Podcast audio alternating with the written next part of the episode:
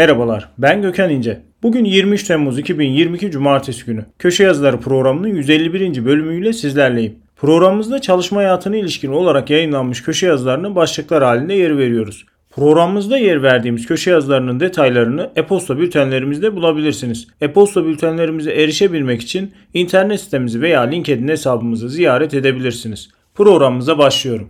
Eyüp Sabri Demirci, çalıştırmadığınız kişileri sigortalı gösterip de başınızı derde sokmayın. Resul Kurt, asgari ücrette gelir ve damga vergisi istisna tutarları.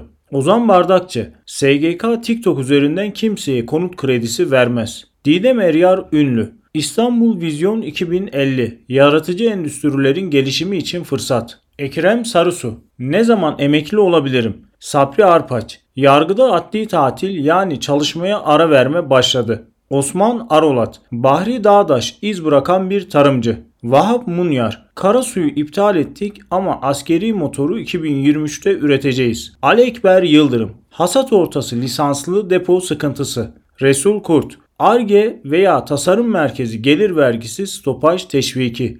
Sade Özdemir, inşaatın boğazı sıkılırken konut üretimi nasıl artacak? Alparslan Kaya, evde üretilen malların internetten satışında esnaf muaflığı. Yasemin Salih, gidere göre zam yapsak vakıf üniversitelerinde öğrenci kalmaz. Ussal Şahbaz, Uber dosyaları, lobicilik taksiciliğe dönmesin. Abdullah Tolu, KDV iadesinde kefalet senedi belirsizliği. Nedim Türkmen, iktidar nasıl unuttu? Gecikme zammı oranını %50 artı arttırdı. Yusuf Cihat Demet, iş dünyasında limon problemi. Gökçe Sönmez, sinema ve İSG 5, Deepwater Horizon, büyük felaket. Selçuk Turgay Azak, son küresel gelişmeler. Vedat İlki, asgari ücret zammı ve özellikli durumlara karşı örnek tablolar geliştirilmesi gerekir. Ben Gökhan İnce. SGK 4.0 Radyo'da Köşe Yazıları programının 151. bölümüyle sizlerleydim. Programımızda çalışma hayatına ilişkin olarak yayınlanan köşe yazılarına başlıklar halinde yer verdim. Programımızda yer verdiğimiz köşe yazılarının detaylarını e-posta bültenlerimizde bulabilirsiniz. E-posta bültenlerimizi görüntüleyebilmek ve üye olabilmek için internet sitemiz veya LinkedIn hesabımızı ziyaret edebilirsiniz. Bir sonraki yayında görüşmek üzere.